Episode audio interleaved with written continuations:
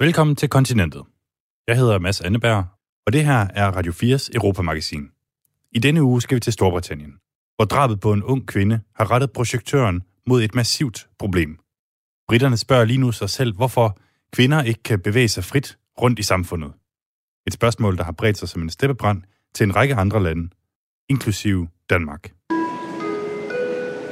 Último aviso a los señores pasajeros del vuelo Brussels Airlines con destino Bruselas. Let Europe arise. We love Europe. I love Europe anyway. I love it. De la merde. De la merde, de la merde. Du lytter til Kontinentet på Radio 4. Oh, oh. Ça oui, c'est du bon travail.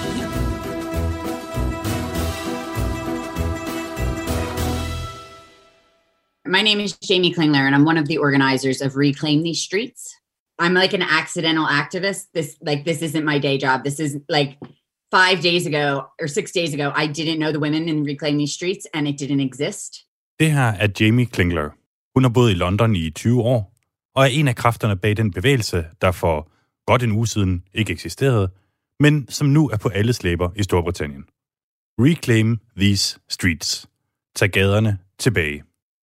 Det hele begyndte 3. marts i Clapham i det sydlige London. Klokken er 21.30, og den 33-årige Sarah Everard er på vej hjem til fods efter at have besøgt en veninde.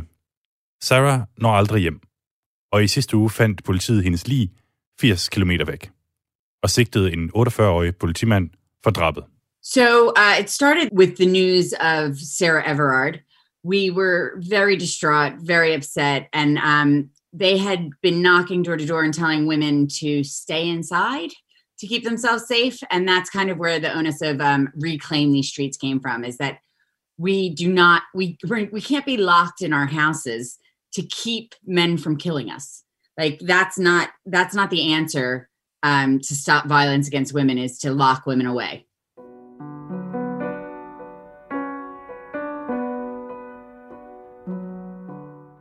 Politiet i London gik efter drabet rundt og bad kvinder holde sig indendøre for deres egen sikkerheds skyld. Men for mange virkede det måske ikke som den mest oplagte måde at undgå vold mod kvinder på. Sagen har skabt furore i Storbritannien, hvor de sociale medier flyder over med historier fra kvinder, der føler sig utrygge i de britiske gader efter mørkets frembrud, og som gentagende gange har oplevet at blive forulæmpet, antastet, råbt ad og rørt ved af mænd, som tager forholdsregler, går lange omveje og gemmer sig for mænd. Her story and her case, I think, hit home with all of us. Um, I think that- Jamie Klingler fortæller, at drabet ramte en nerve hos de britiske kvinder og forstærkede en utryghed, der allerede i høj grad eksisterede. it, it really shook the security and the bubble around us when we're when we're living when we're living and breathing and walking and just going about our business she was just trying to get home like she she did everything she was supposed to do she made the phone call she was wearing bright clothes she was on a light like a brightly lit street Fordi Sarah Everard gjorde alt det, som kvinder har vendet sig til at gøre, når de går alene om aftenen. Hun talte i telefon, hun havde lyst tøj på og gik på en oplyst gade, og hun var bare på vej hjem. and that's that's the reality for a lot of women is the assaults that Jamie er selv en af de mange kvinder, som er bekendt med at tage sine forholdsregler. often and i also i change my route like i i have nighttime habits that are different than my daytime habits all the time. And the the other night i was in a neighborhood that i don't know very well and was on the phone with my boyfriend the whole way home.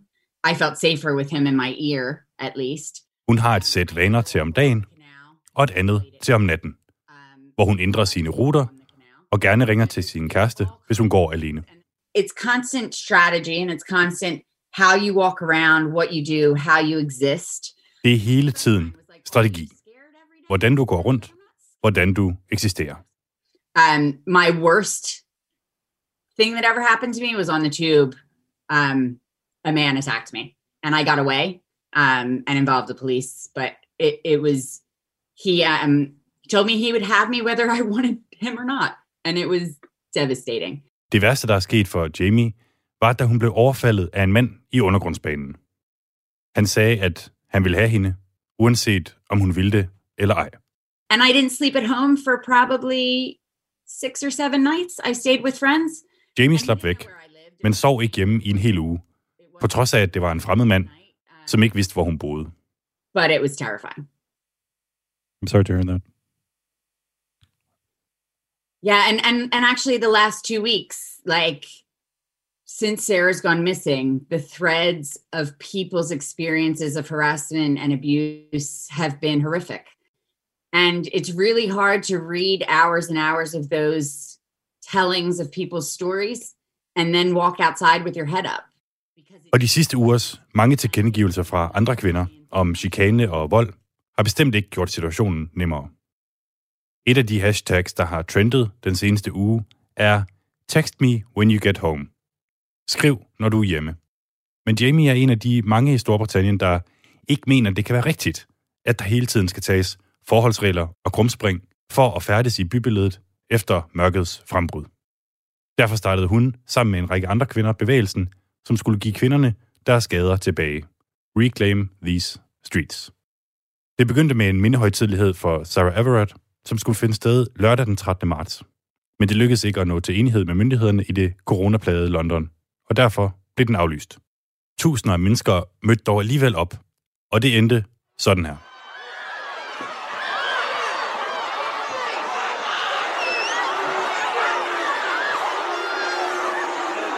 Hen af aftenen valgte politiet i London nemlig brutalt at opløse forsamlingen med den begrundelse, at de fremmødte ikke overholdt coronarestriktionerne.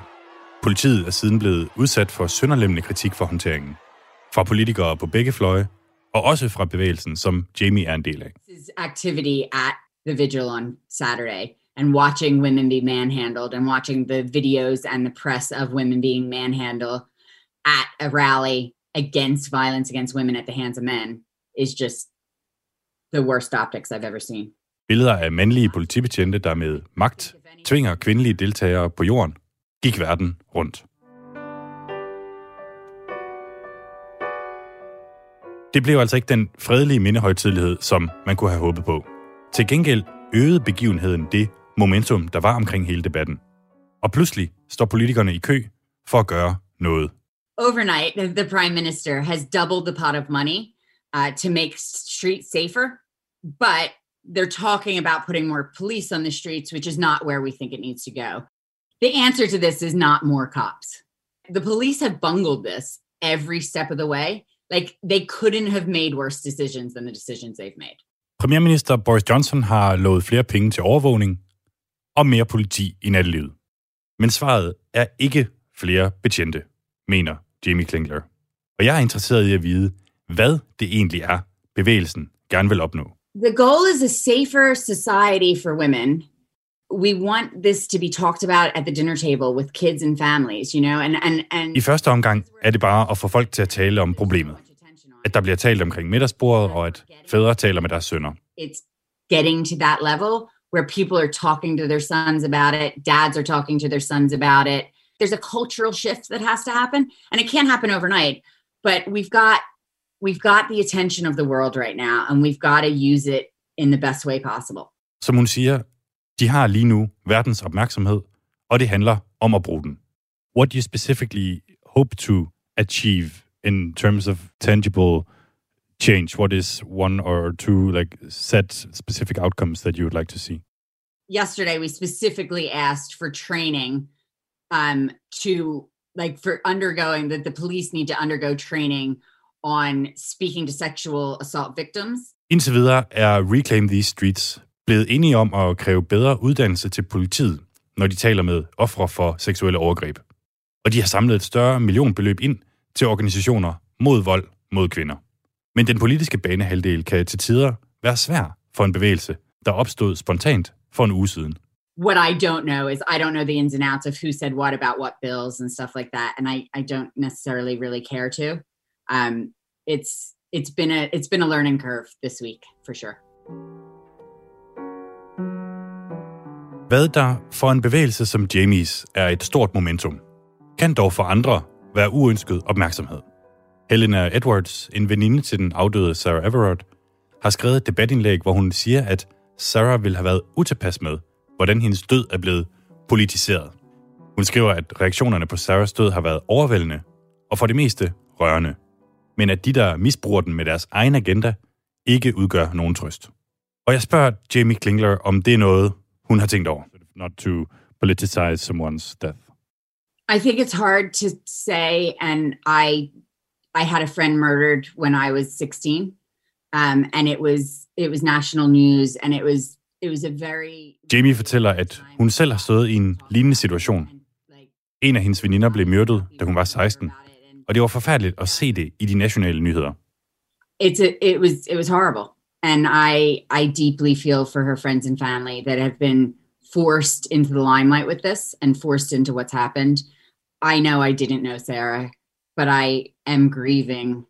Hun sørger for Sarah Everett og hendes familie, men også for, hvad det har betydet for hele landet. It meant for all of the people in this country. It shattered something in us, and the movement about being safer in her name has gotten bigger, you know, and and it's it's one of those things that we had no idea that this would be the thing. Men nu er der en national bevægelse i Sarah Everetts navn. Like I've I've been fighting for safety for 20 years and this is the first time that it feels like we've got we've got 20 we had 24 million extra pounds put into a pot last night because of this. Jamie har selv kæmpet for det her i 20 år, og endelig føles det som om, at der sker noget. and the money that has been crowdfunded by us to go to women's organizations that's going to really help women and inadvertently sarah's name will help save lives De mange donationer er kommet på grund af Sarah, og hendes navn vil, uforvarende, hjælpe med at redde liv. You're listening to The Continent on Radio 4. Du lytter til Kontinentet på Radio 4. I dagens udsendelse taler vi om den bevægelse, der er opstået i kølvandet på Sarah Everetts mor i London. Jeg hedder Katja, og jeg er 23, og jeg studerer i London. Øhm, og jeg har boet her i tre et halvt år. Og hvad fik dig til at flytte til London? Jeg flyttede til London, fordi jeg gerne vil DJ herover. Kulturen for musik er stor herover.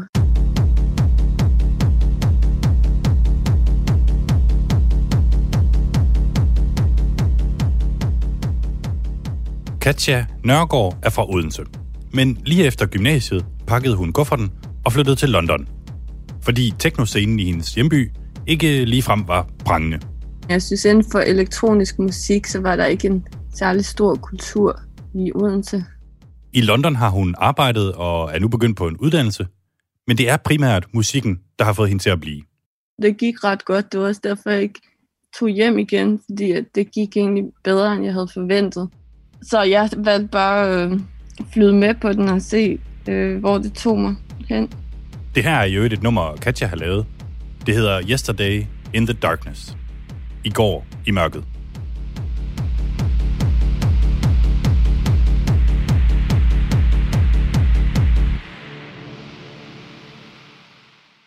Hvad tænker du om den debat, der er lige nu i Storbritannien, selvfølgelig ikke mindst i London?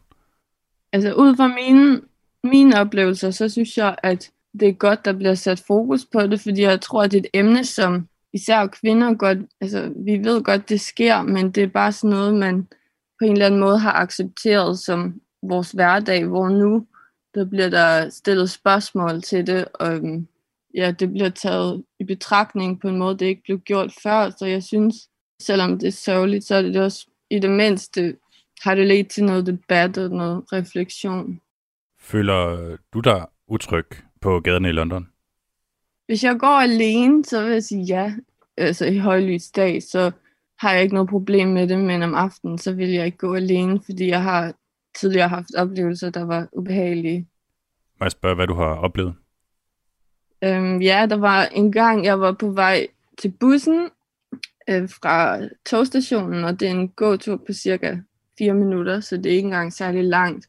Øh, og det var aften, og så kom der en mand hen til mig, og han begyndte at, at snakke til mig, og jeg sagde flere gange til ham, at jeg ikke var interesseret i at snakke med ham.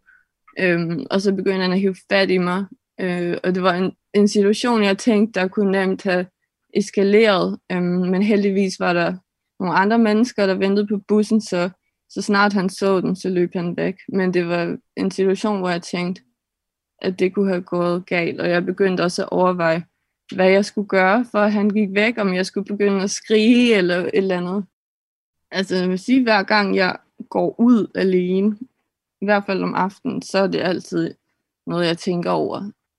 Ja, så det vil sige, hver, hver gang jeg går ud. Men heldigvis går jeg ikke ud alene særlig ofte.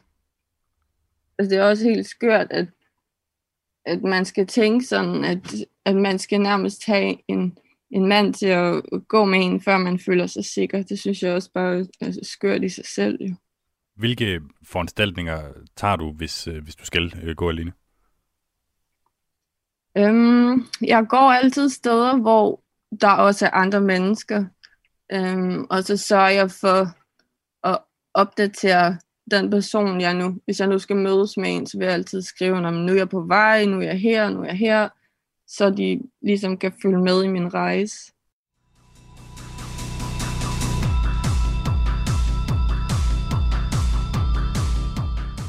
Som DJ er det i sagens natur ganske ofte, at Katja skal hjem midt om natten.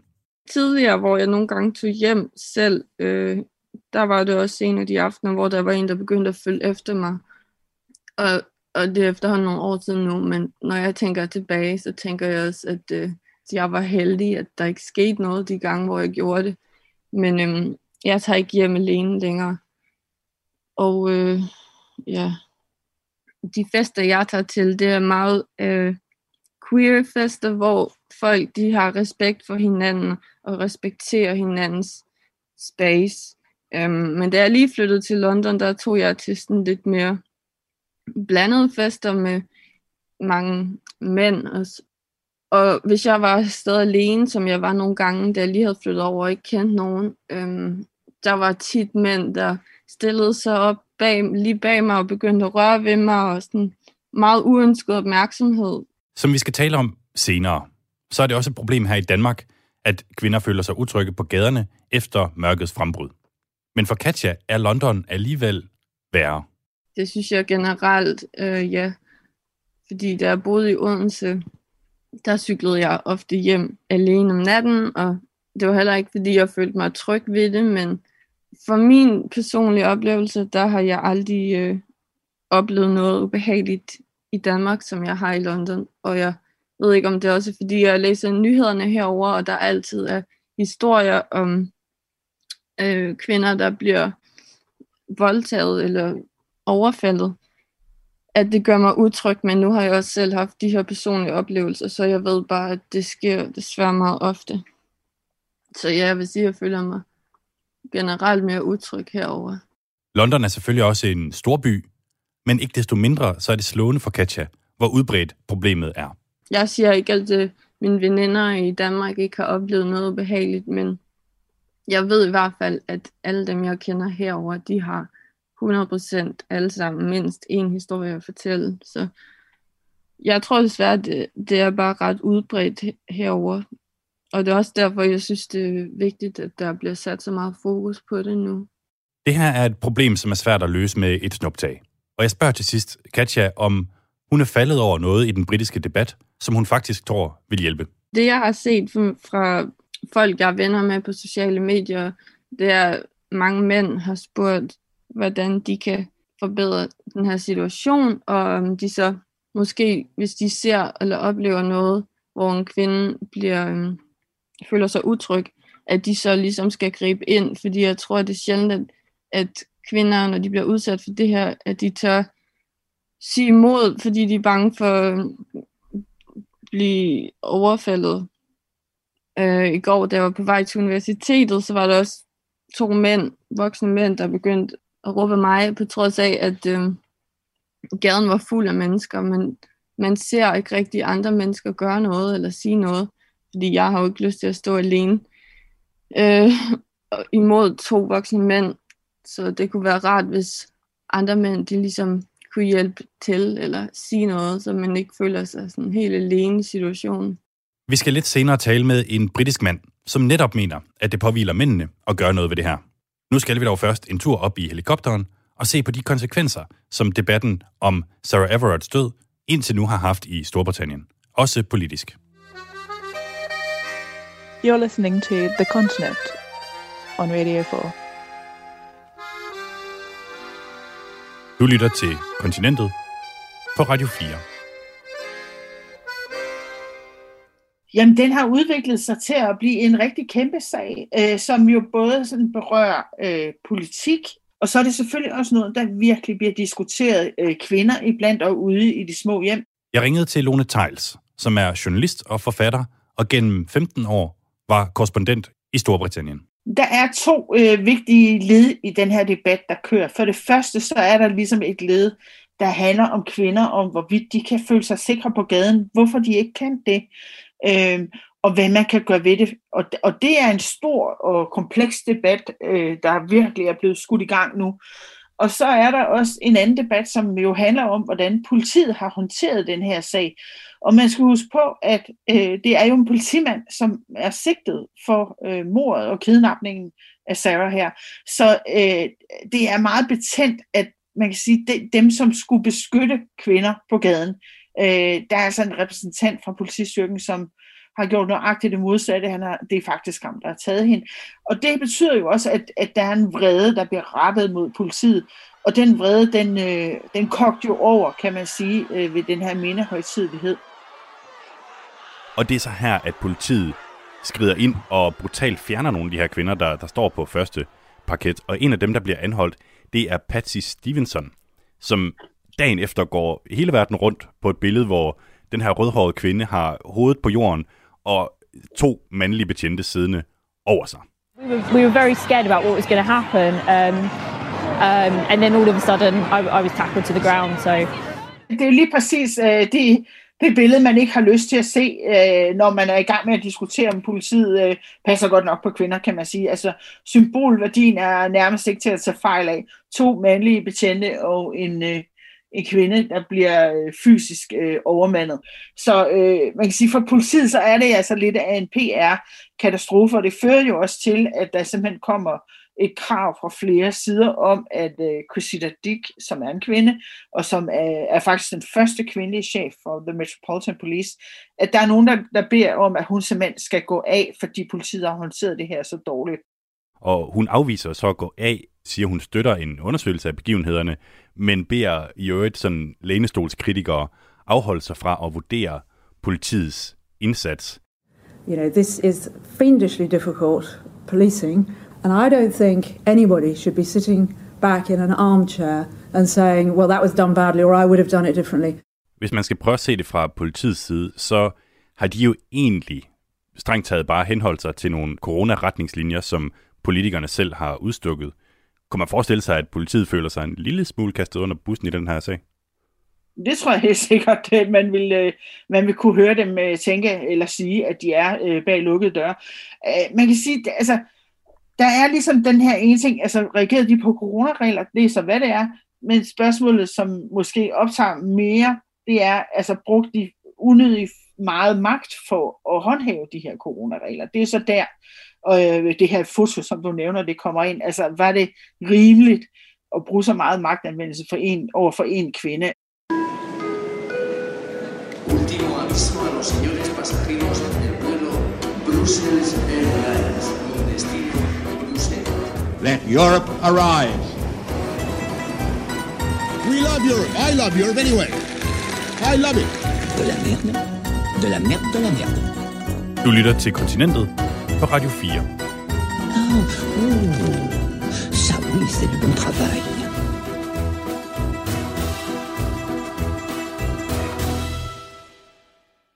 Vi taler om, hvordan drabet på den 33-årige Sarah Everard har sat sindene i kog i Storbritannien.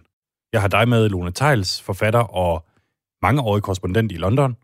Og nu vender vi os mod de britiske politikere, som lige nu skændes om, hvad man skal stille op med det her grundlæggende problem med kvinders sikkerhed i samfundet.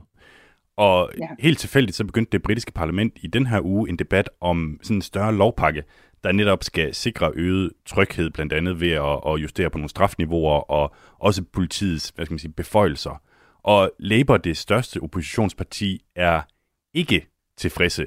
This bill would allow someone to receive a sentence for attacking the statue of a slave trader of up to 10 years when rape sentences start at 5 years. That does not reflect the priorities of the people. En af deres, øh, øh, hvad skal man sige, en af deres MP's, Nick Thomas Simmons, pointerede, at Boris Johnsons regering vil straffe forbrydelser mod statuer af for længst døde slaveejere med op til 10 års fængsel, mens en voldtægt kan give 5. Lone Tiles, hvordan har oppositionen grebet den her debat an? Jamen altså, som du nævner her, så har de jo øh, fundet et hul øh, i lovgivningen, som man så kan, og man så kan sige, at, at det er simpelthen øh, akkurat ligesom vi nogle gange diskuterer i Danmark, altså det er for svært at få nogen dømt for voldtægt, det er svært øh, at få nogen dømt for overfald på kvinder, og øh, mange af de her sager bliver enten ikke opklaret, eller også så, øh, så mener anklageren ikke, at der er nok beviser til, at det kan komme i retten. Øh, og det er selvfølgelig øh, et, et emne, som berører mange kvinder, og når man så går ud og samle og laver den her sammenligning med en statue, øh, så får man jo også, øh, kan man sige, den konservative regering til at fremstå som øh, fuldstændig forstokket og går mere op i at forsvare historien end de levende kvinder, der bor i landet. Så på den måde er det jo meget smart grebet an.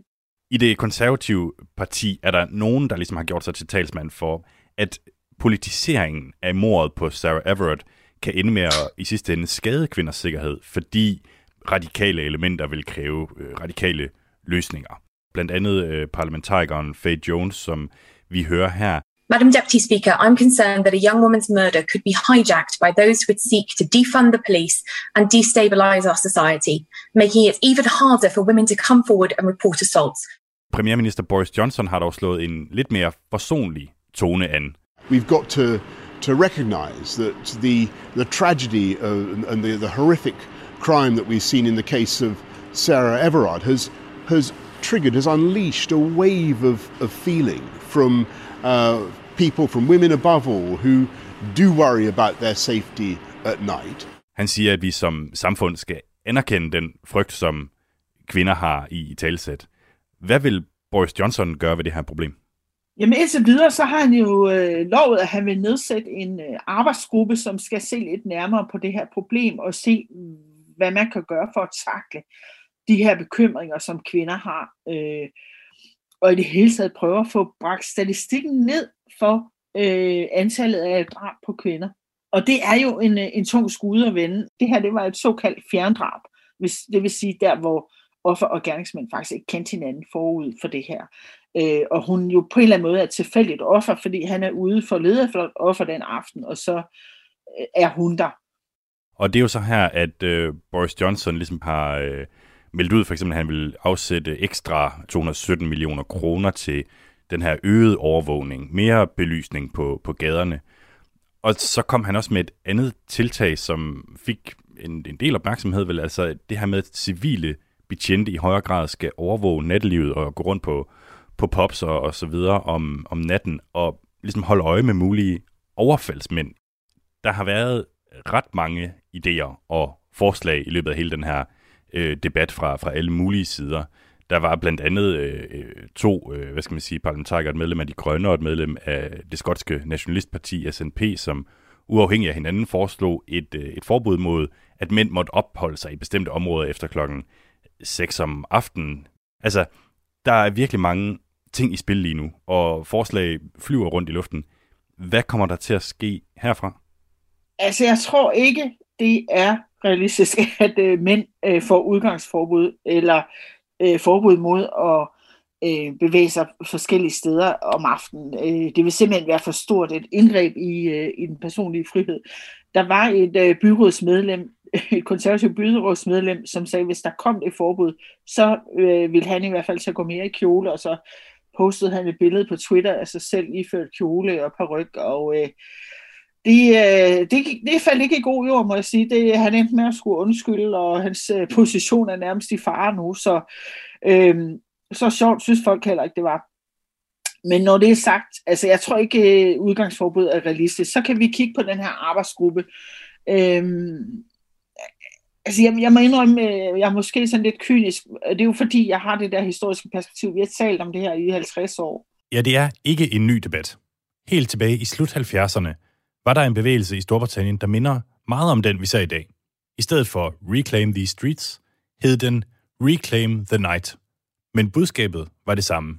Dengang var det ikke mindst seriemorderen The Yorkshire Ripper, der var indledningen. Og øh, som bekendt, så var han jo en kvindemorder, som huserede i det nordlige England der i sidst i 70'erne, i starten af 80'erne, og skræmte folk fra hvid sans. Han nåede altså at slå rigtig mange kvinder ihjel. To cifrede antal. Og, øh, og dengang så gik politiet faktisk ud og sagde lidt det, som de også kom til at sige her i London øh, i 2021, det er nemlig, hold jer inden døre, kvinder, pas på, lad være med at gå alene. Øh, og dengang, der skabte simpelthen sådan en stor vrede, altså der i 70'erne og 80'erne, at, at man ligesom lader skylden eller ansvaret, om man vil, over på kvinderne for, at de skulle passe på sig selv. Øh, så den her idé, som vi nu hører i 2021, der faktisk igen er oppe at vende, jamen den er ikke helt ny. Øh, og, og det trækker ligesom en lige linje til den problematik, mange øh, britiske kvinder har haft, altså igennem årtier.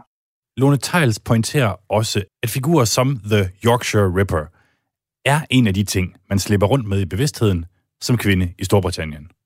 Jeg tror, øh, når vi sammenligner for eksempel situationen i Storbritannien med den i Danmark, så øh, er forskellen i Storbritannien selvfølgelig, at øh, i Danmark har vi ikke rigtig kendt til øh, seriemordere. Altså vi har måske haft Amagermanden.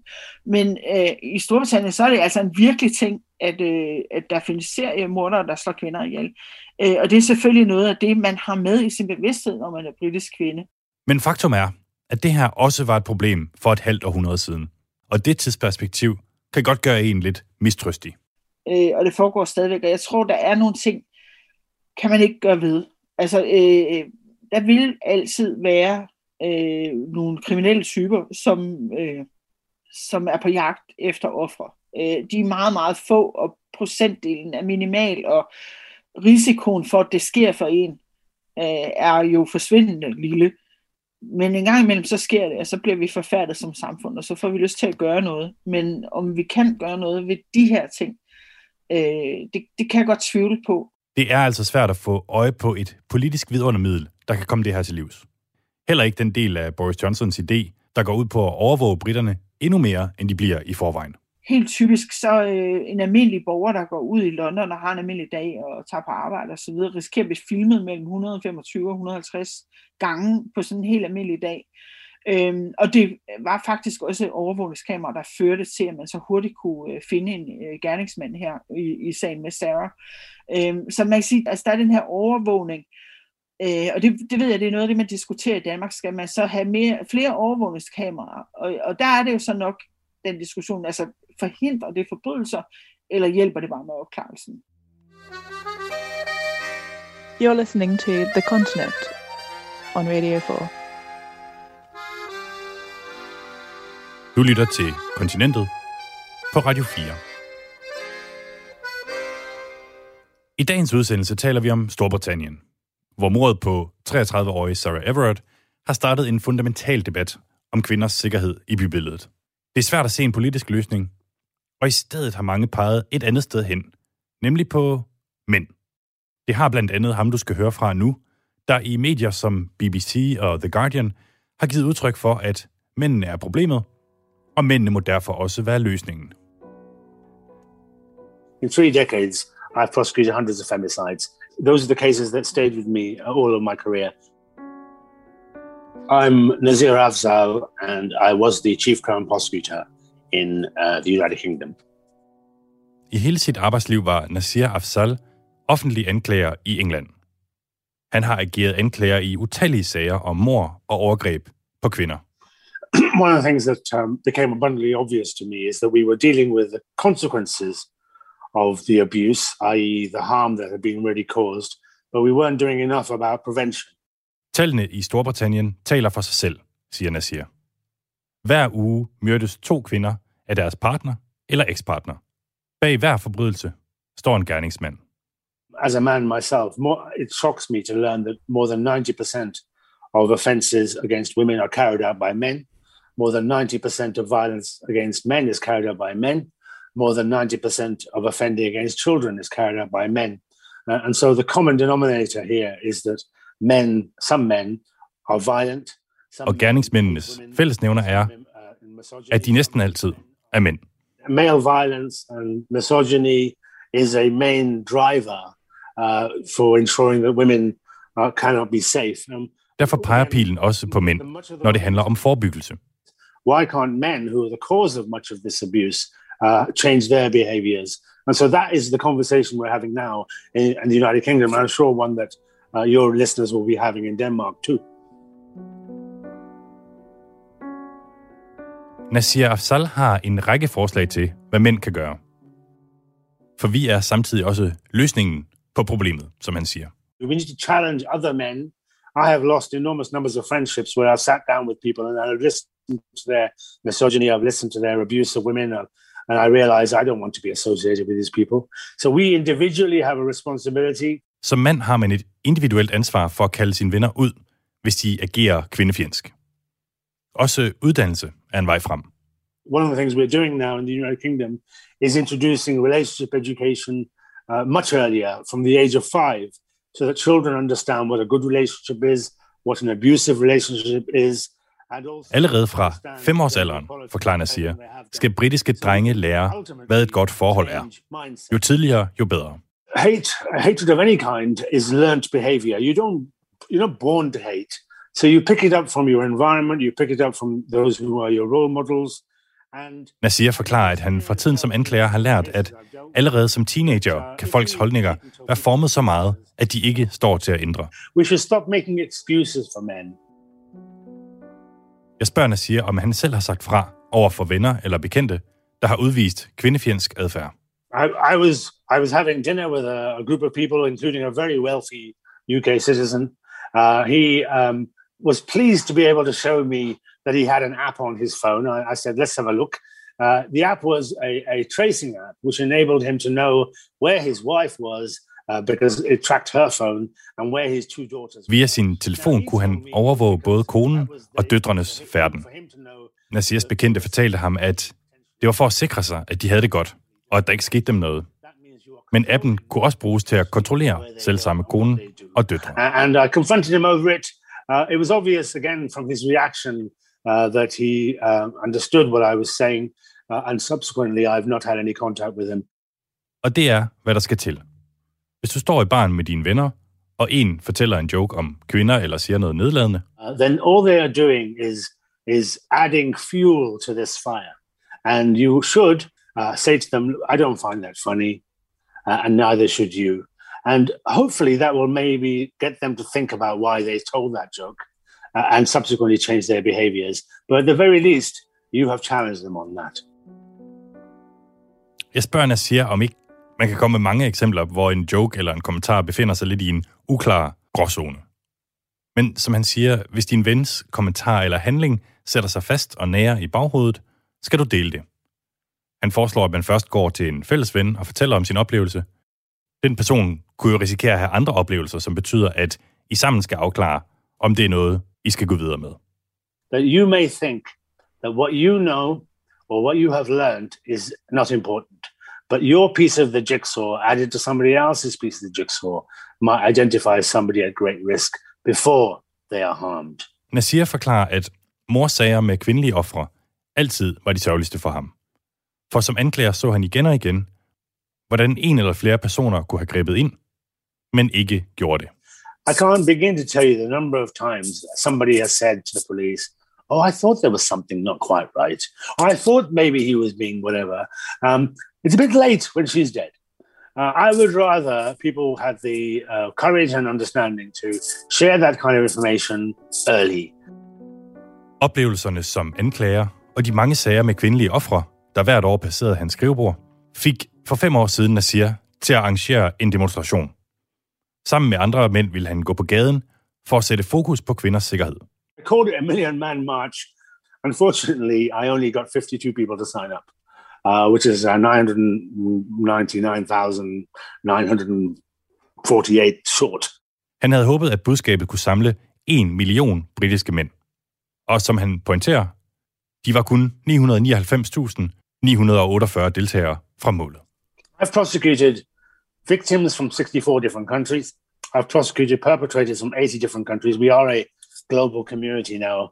And I can't think of any race or community or ethnicity or that where, where women feel safe.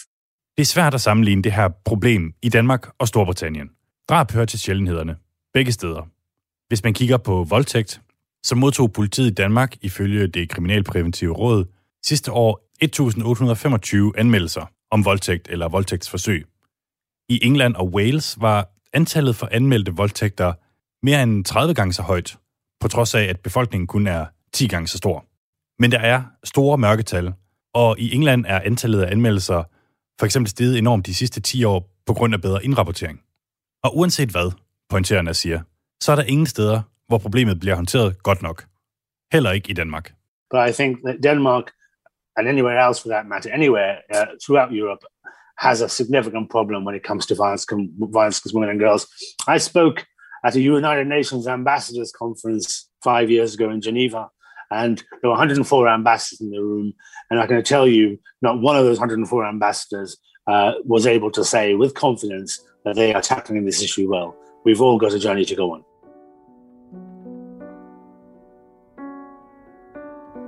Nasir, thank you so much for talking to me.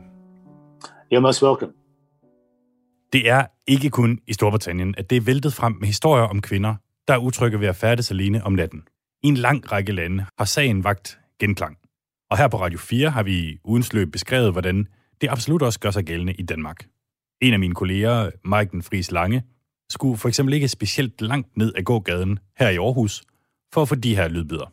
Nu, når jeg går hjem her fra min veninde af, så sørger jeg for, at jeg skriver, når jeg kommer hjem. På et tidspunkt en gang i en bus en om aftenen, var der en, der øh, ikke rigtig forstod, at han skulle gå væk fra mig. Og jeg, øh, hvis jeg går ned ad gaden, og der er nogen, der går imod mig, så sørger jeg for at gå ud på vejen, i stedet for at gå ind mod væggen, fordi hvad nu, hvis man bliver fanget derinde? Øh, jamen, han var fuld, og jeg var ikke særlig gammel på det andet tidspunkt. Så bare det var utrygt for mig. Og jeg sørger faktisk også for sådan at, at sidder min taske ordentligt fat at min, ja, min lommer lukket, sådan, hvis jeg nu skulle løbe. Eller... Jeg boede ude på landet og skulle stå et meget mørkt sted.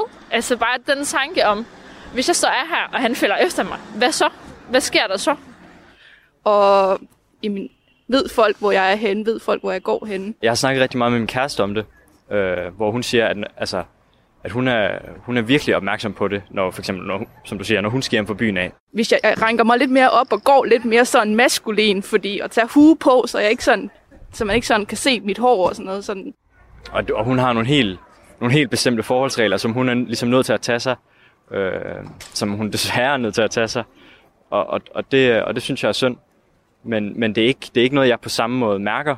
Selvom det måske godt kan virke lidt fjollet, fordi hvor, hvor ofte sker det, men bare én gang er jo nok, så jeg tænker, åh oh, nej, det her det skal jeg ikke gøre.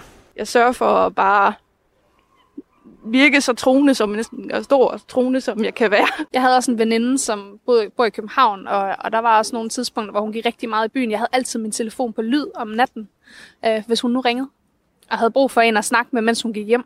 Jeg har også oplevet ting, hvor man sådan føler mig så truet over folk. Øh, fremmede folk har taget fat i en, eller øh, et sted, hvor man faktisk burde have følt sig tryg. Og det er jo også helt fuldstændig åndssvagt, at jeg skal ligge og være på vagt på den måde. Øh, men det gør man jo bare. Øh, uden nattelivet og sådan noget, når, folk, når mens især tager fat i en og holder en fast, eller gør, øh, nu rører vi en, uden man har lyst til det, eller et eller andet den stil. Altså, jeg har taget mig selv lige nogle gange øh, på vej hjem, øh, og tage mine nøgler altså, mellem fingrene, og så ned i lommen. Der er rigtig mange gode mænd, som slet ikke tænker eller har det sådan, og aldrig kunne på at gøre kvinder noget. Men der ligger bare stadigvæk den her skævhed i vores køn. Vil politikerne på Christiansborg kunne gøre noget ved det her, tror du? Nej, det tror jeg ikke. Altså, det er fint at sætte noget mere lys op og sådan noget, helt sikkert, men, men nej. På den måde, så, så tror jeg ikke, at der er noget, de decideret kan gøre sådan lige nu og her. Det er jo, det er jo ikke et problem, som bare lige er opstået. Det er jo et problem, der har været i rigtig, rigtig mange år. Og ja, rigtig, altså, der har jo været altid. Og nu er det jo fordi, vi er begyndt at blive lidt trætte af det, og folk er begyndt at blive opmærksom på det, og har fået at vide, at det faktisk er et problem. You're listening to The Continent on Radio 4. Du lytter til Kontinentet på Radio 4. Jeg elsker hende, som bliver spurgt, om politikerne kan gøre noget, og siger nej. Du kan selv bedømme, om hun har ret. I den her debat, som vi også havde på Radio 4 morgen, mellem retsordførende Rosa Lund fra Enhedslisten og Preben Bang Henriksen fra Venstre. Ham, der stiller spørgsmålene, det er min anden kollega, Christian Magnus Damsgaard. Preben øh, Bang Henriksen, øh, retsordfører for Venstre. Hvad er det, øh, du som politiker kan gøre for at få danske kvinder til at føle sig mere trygge, når de for eksempel går hjem fra byen? Jeg kan sige, at det her problem, det er, er, er der et, et problem, som vi skal tage meget alvorligt. Jeg har øh, selv kørt med 180 km i timen øh, gennem byen, da min datter øh, en aften ringede og sagde, at der gik en mand bag efter hende. Han viste sig at være en ganske uskyldig mand, men altså, det viser jo, hvordan det her det præger rigtig mange kvinder, den her øh, frygt. Det er så nok en frygt, der, øh, der ikke er er heldigvis ikke er bund i virkeligheden i det omfang, som, som frygten er der, men, men at frygten er der, er jo, er, jo, er jo egentlig nok. Og når du spørger, hvad kan jeg gøre? Jamen, jeg kan sætte mere politi ind. Øh, jeg kan sørge for, at der kommer mere patruljering. Og så kan vi sige, at der skal i hvert fald også noget videokamera op øh, i det omfang, der er behov for det ud fra en politifaglig vurdering. Nu, nu nævner du, at øh, du, du sådan lidt øh, anser den her frygt, som, som kvinder går rundt med, for ikke nødvendigvis at have, have rod i, i fakta. Øh, hvad er det, du mener med det? Nej, men vi har jo flere undersøgelser, der viser, at øh, kriminaliteten i store perioder er, har været faldende i Danmark, og i de samme perioder har folks utryghed været stigende. Og, og det er jo, er jo øh, også problematisk. Det vil selvfølgelig være værre, hvis kriminaliteten også var stigende. Men der er altså en, en frygt, men det er sådan set også nok for mit vedkommende, fordi kvinder skal ikke gå rundt i frygt. Rosa Lund, retsordfører for Enhedslisten. Øh, Preben Bang Henriksen her, han nævner altså mere politi på gaden, øh, politipatruljering. Er det øh, en, øh, en løsning i Enhedslisten kunne være, kunne være med på for at øge trygheden? Jamen, øh, mere politi på gaden. Øh, måske særligt mere politi i nattelivet, når det engang får lov til at åbne igen. Det synes jeg, der kunne være en rigtig fin idé. Men jeg tror også bare, at vi er nødt til at gøre nogle andre ting også. Altså, vi er jo nødt til at have en eller anden samtale om, hvorfor er det mænd slår kvinder ihjel. Så jeg synes faktisk også, at vi er nødt til at lave gerningspersonsundersøgelser eller gerningsmandsundersøgelser, så vi simpelthen finder ud af, Hvorfor er det, at mænd kidnapper kvinder? Hvorfor er det, at mænd øh, slår kvinder ihjel? Og det synes jeg godt, at, at Christiansborg kunne sætte gang i og finde ud af, hvorfor er det, mænd slår kvinder ihjel. Og så synes jeg jo også, at vi er nødt til at have en samtale om, hvordan mænd de kan tage hensyn til, at kvinder har den her frygt. Fordi som Preben siger, så øh, er det jo tit bare en, en, en helt almindelig mand, som måske også bare er på vej hjem. Men når vi nu ved, at den her frygt ligger hos kvinder, jamen så kunne man, burde man jo opfordre mænd til, at når de går bag ved en kvinde, lige at gå tre skridt langsommere, eller gøre noget andet, der signalerer, jeg er ikke ude på noget her. Fordi den her frygt er jo berettiget, når der er så mange kvinder, som bliver overfaldet.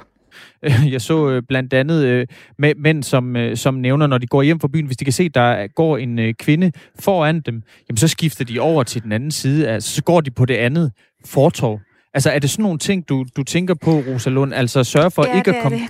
Ja, det er det helt bestemt. Det er det helt bestemt. Og det er jo svært at lave en lov om. Altså, det er fordi, du jo spørger til, hvad Preben og jeg kan gøre for Christiansborg. Og det er jo svært at lave en lov, der hedder, hvis du går bag ved en kvinde, så skal du gå over på den anden side af gaden. Og derfor er det jo også det, vi, en samtale, vi er nødt til at have. Vi har øh, været på, på gaden og talt lidt med, med nogle kvinder om, øh, hvad løsningen på det her problem det kunne være. Vil politikerne på Christiansborg kunne gøre noget ved det her, tror du? Nej, Preben øh, Bang Henriksen, retsordfører for, for Venstre, der, øh, som vi hører Cecilie Jacobsen sige her, så tror hun simpelthen ikke på, at det, det er et problem, som Christiansborg kan løse. Nej, jeg kan jo kun give hende ret i, det er i hvert fald øh, utrolig vanskeligt, og det illustreres jo også af, at øh, Venstre og Enhedslisten stort set er enige på de her punkter, og, og hvis der var et eller andet quick fix, der kunne ordne det her, jamen så fandt øh, helt Folketinget ud af det. You're listening to The Continent on Radio 4. Du lytter til Kontinentet på Radio 4. Hvis du har feedback til dagens program, eller hvis du har oplevelser, der bekræfter eller modsiger det, vi har hørt i dag, så er du hjertens velkommen til at ringe ind på vores telefonsvarer på nummeret 25 45 64 64. 25 45 64 64. Den er åben 24-7, så at sige. Jeg vil gerne lige kvittere for en besked, som vi fik i sidste uge fra Michael, der gerne vil have en opdatering på Brexit, som jo er glædet lidt ud af vores bevidsthed efterhånden, selvom det jo egentlig er nu, konsekvenserne for alvor begynder at melde sig. Nu kom vi i denne uge til Storbritannien i en lidt anden anledning, men det skal være en fornøjelse at vende tilbage dertil og blandt andet tage fat i hornene på Brexit.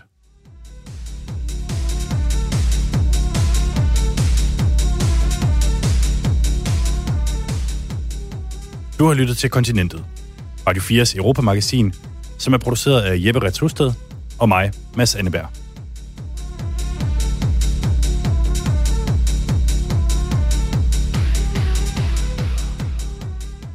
Mange tak, fordi du har lyttet med.